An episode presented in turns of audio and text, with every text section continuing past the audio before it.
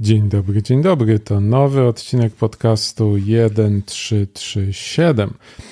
Witam Was serdecznie. Dziękuję wszystkim za słuchanie, za lajkowanie i za szerowanie, za informowanie znajomych, że jest taki podcast omawiający najciekawsze i najbardziej atrakcyjne newsy z bezpieczeństwa danego tygodnia.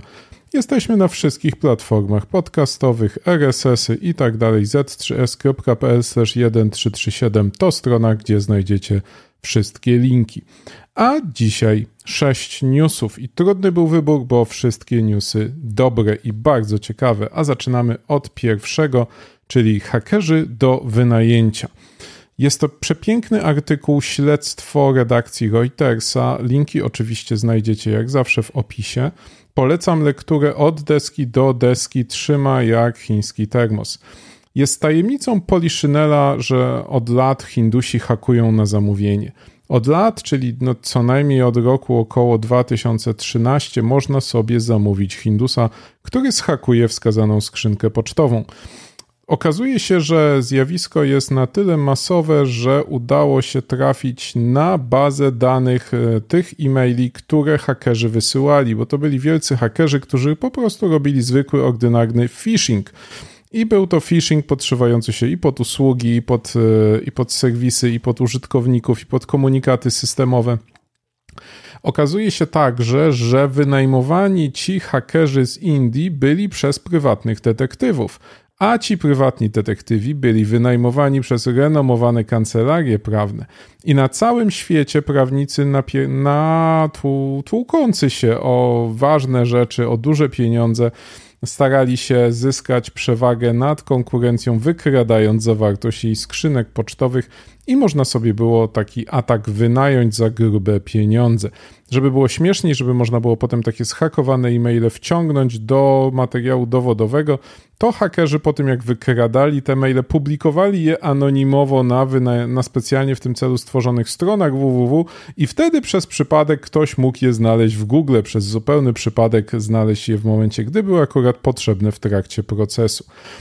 Znamy co najmniej jedną sprawę, w której hakerzy dostali około miliona dolarów za hakowanie bardzo intensywne jednej osoby, a płacił jeden z arabskich szejków. Inne ważne sprawy to chociażby ataki na założyciela firmy WeWork, czy ataki związane z firmą Wirecard, wielkim przekrętem inwestycyjno-finansowym w Niemczech i w zasadzie na całym świecie. Wielki biznes, wielkie sprawy, pola naftowe przejmowane przez jedne organizacje od drugich i w tym wszystkim 80 tysięcy wiadomości przeczytanych przez Reutersa, bo Pracownicy jednej z firm używanej przez sprawców do wysyłania tych e-maili znaleźli logi i anonimowo je Reutersowi przekazali, więc Reuters był w stanie skontaktować się z ofiarami tych phishingów, zapoznać z tematami wiadomości, z ich treścią, więc e, całkiem niezły materiał badawczy i bardzo, bardzo ciekawe śledztwo. Po raz pierwszy ktoś tak kompleksowo opisał zarówno od strony sprawców, jak i od strony ofiar tego rodzaju ataków. Pamiętajcie, dwuskładnikowe uwierzytelnienie znacząco utrudnia zadanie hinduskim hakerom. Nie uniemożliwia, ale utrudnia. Informacja numer dwa. Incydent w HackerOne. Wiecie, że ja uwielbiam raporty o incydentach, uwielbiam historię incydentów i to jest bardzo dobry raport i bardzo dobra historia. Zalecam oczywiście lekturę całości, ale generalnie chodzi o to, że HackerOne to platforma Bug Bounty i jeden z jej klientów zgłosił, że dostał zgłoszenie baga poza platformą, które było bardzo podobne do zgłoszenia, które wcześniej dotarło do niego przez tę platformę. I zasugerował, że być może ktoś wykrada informacje z platformy Bug Bounty i następnie wykorzystuje, żeby wyłudzić pieniądze od y, klientów. Oczywiście HackerOne przeprowadził śledztwo, żeby ustalić wektor, w jaki sposób te informacje wyciekają i czy wyciekają. Okazuje się, że faktycznie wyciekały i firma przeprowadziła bardzo szybkie, w kilkadziesiąt godzin śledztwo, na podstawie którego znalazło swojego pracownika, który od kilku miesięcy wykradał te bugi i zgłaszał duplikaty do tych samych ofiar poza platformą, zarówno jak i w ramach platformy, licząc na wypłaty. I co ciekawe, część tych wypłat otrzymywał, miał założone dodatkowe konta na platformie i w ten sposób e, wyłudzał pieniądze za błędy, które już ktoś wcześniej znalazł. Czyli jak wiadomo, najlepiej skorzystać z błędów, które odkrył ktoś inny, tak jak kiedyś przecież schakowano repozytorium zgłoszonych problemów w Mozilla po to, żeby zaatakować zero użytkowników tej przeglądarki. Więc no, model biznesowy całkiem niezły, po co szukać błędów, skoro można je ukryć, wystarczy się zatrudnić w odpowiedniej firmie. Firma napisała bardzo, bardzo rozbudowany raport na temat tego, co zamierza również zrobić, aby tego rodzaju ataki utrudnić w przyszłości. Jest także raport tego, jak przebiegało śledztwo krok po kroku. Polecam lekturę, bo całkiem, całkiem szczegółowo temat został potraktowany i opisany jak rzadko w tego rodzaju przypadkach. Także insider threat istnieje. Dowód namacalny w linku pod podcastem. News numer 3. Dziwne ataki na routery. O co chodzi? Hmm, okazuje się, że od dwóch lat, co najmniej od dwóch lat, jakaś niezbadana organizacja, bez atrybucji, nie znamy tutaj podejrzeń co do tego, kto za tym wszystkim stoi, atakuje routery i to atakuje wiele różnych modeli routerów i Cisco, i Netgeara, i Asusa, i Drayteka, a następnie na tych routerach instaluje złośliwe oprogramowanie w MIPSie, a potem przez to złośliwe oprogramowanie robi ataki man in the middle, czy też person in the middle, jak teraz się mówi, na usługi DNS i na usługi HTTP, za pomocą których przejmuje ruch i wstrzykuje kolejny złośliwy kod napisany specjalnie na potrzeby tej operacji, niespotykany wcześniej, dzięki któremu hakuje dla odmiany i Windowsy, i Maci, i Linuxy. I ten malware na Windowsy napisany w C, a na Maci i Linuxy cross-platformowo w Go. Więc bardzo, bardzo ciekawy, skomplikowany atak na dokładkę wielopoziomowa, zaciemniona infrastruktura command and control, więc nie da się ustalić, kto tak naprawdę za tym stoi. Jedne ofiary są wykorzystywane jako proxy dla innych ofiar, potem główny serwer proxy jest zmieniany, przechodzi po całym świecie z jednego końca na drugi. Dziesiątki ofiar w Europie Zachodniej i w Stanach Zjednoczonych i nie wiemy, kto się tyle napracował. Natomiast wiemy, że rat został nazwany zło, z UO, więc brzmi trochę jak po polsku, ale no pewnie raczej jest to zbieg okoliczności, bo nie podejrzewamy nikogo w Polsce o aż tak szeroko zakrojone akcje szpiegowskie na routerach klienckich. Ciekawa sprawa, może kiedyś dowiemy się, kto za tym wszystkim stoi. Tymczasem mamy kolejny punkt i jest nim atak na irański przemysł stalowy, a konkretnie na kilka hut, kilka e, firm, które zajmują się przetwórstwem stali.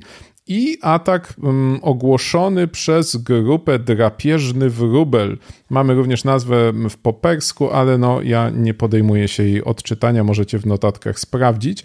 Więc ten Drapieżny Wróbel opublikował film i jest nagranie, znajdziecie oczywiście link w linkach dok, który pokazuje w jaki sposób doszło do awarii w hucie, gdzie jakiś rozżarzony metal pojawia się gdzie nie powinien i ludzie uciekają z hali. Grupa podkreśla, że bardzo stara się nie dopuścić do ofiar cywilnych. I na dokładkę jeszcze okazuje się, że ta sama grupa przyznaje się do wcześniejszych ataków.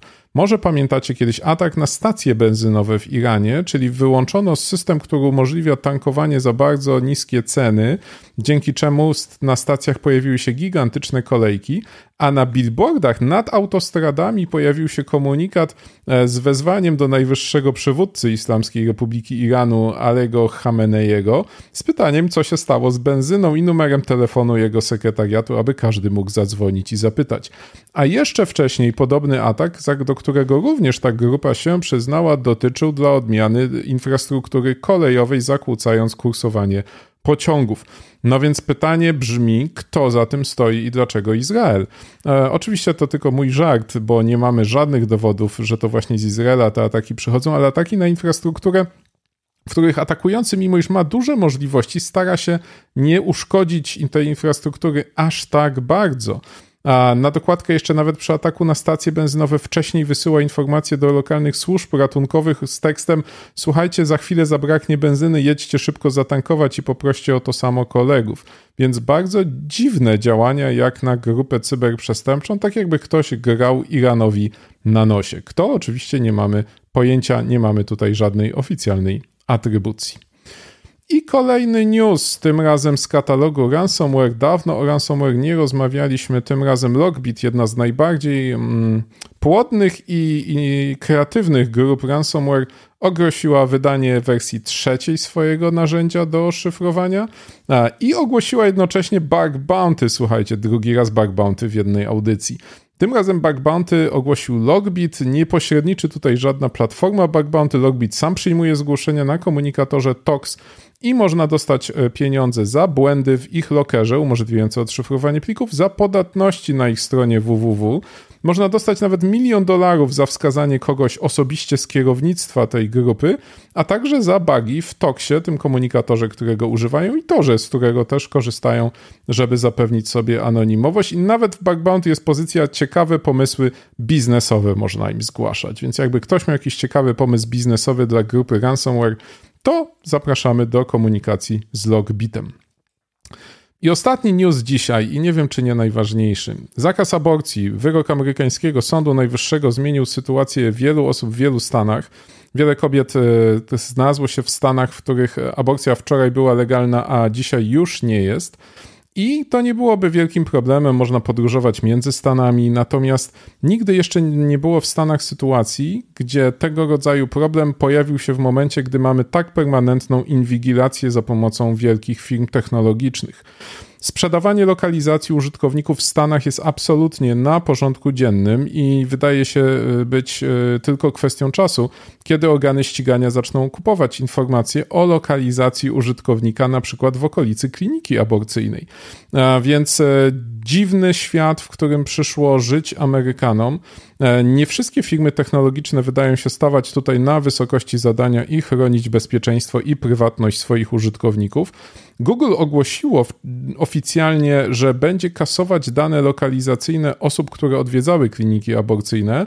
To na przykład może pomóc y, osobom, które potrzebowały y, tam się udać. Natomiast może też utrudnić śledztwo w sprawie osób, które chciałyby takie kliniki atakować. Więc dziwna sytuacja. Wielu dostawców usług w ogóle nic nie zakomunikowało, jak będzie reagować na tę sytuację.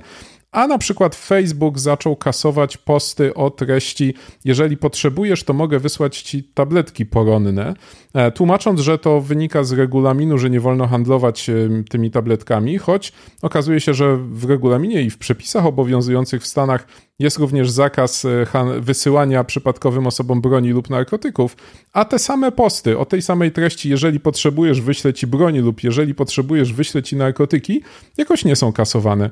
Bardzo ciekawe Facebooku, bardzo ciekawe.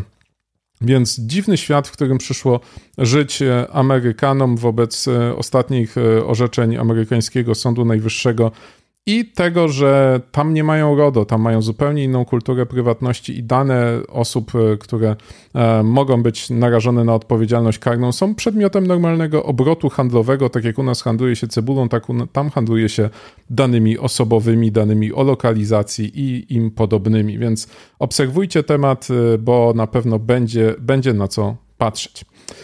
To wszystko na dzisiaj. Jeżeli podoba Wam się podcast, pamiętajcie lajkować, subskrybować zarówno na platformach podcastowych, jak i na YouTubie. Oczywiście czekam na Wasze uwagi, czekam na Wasze tematy.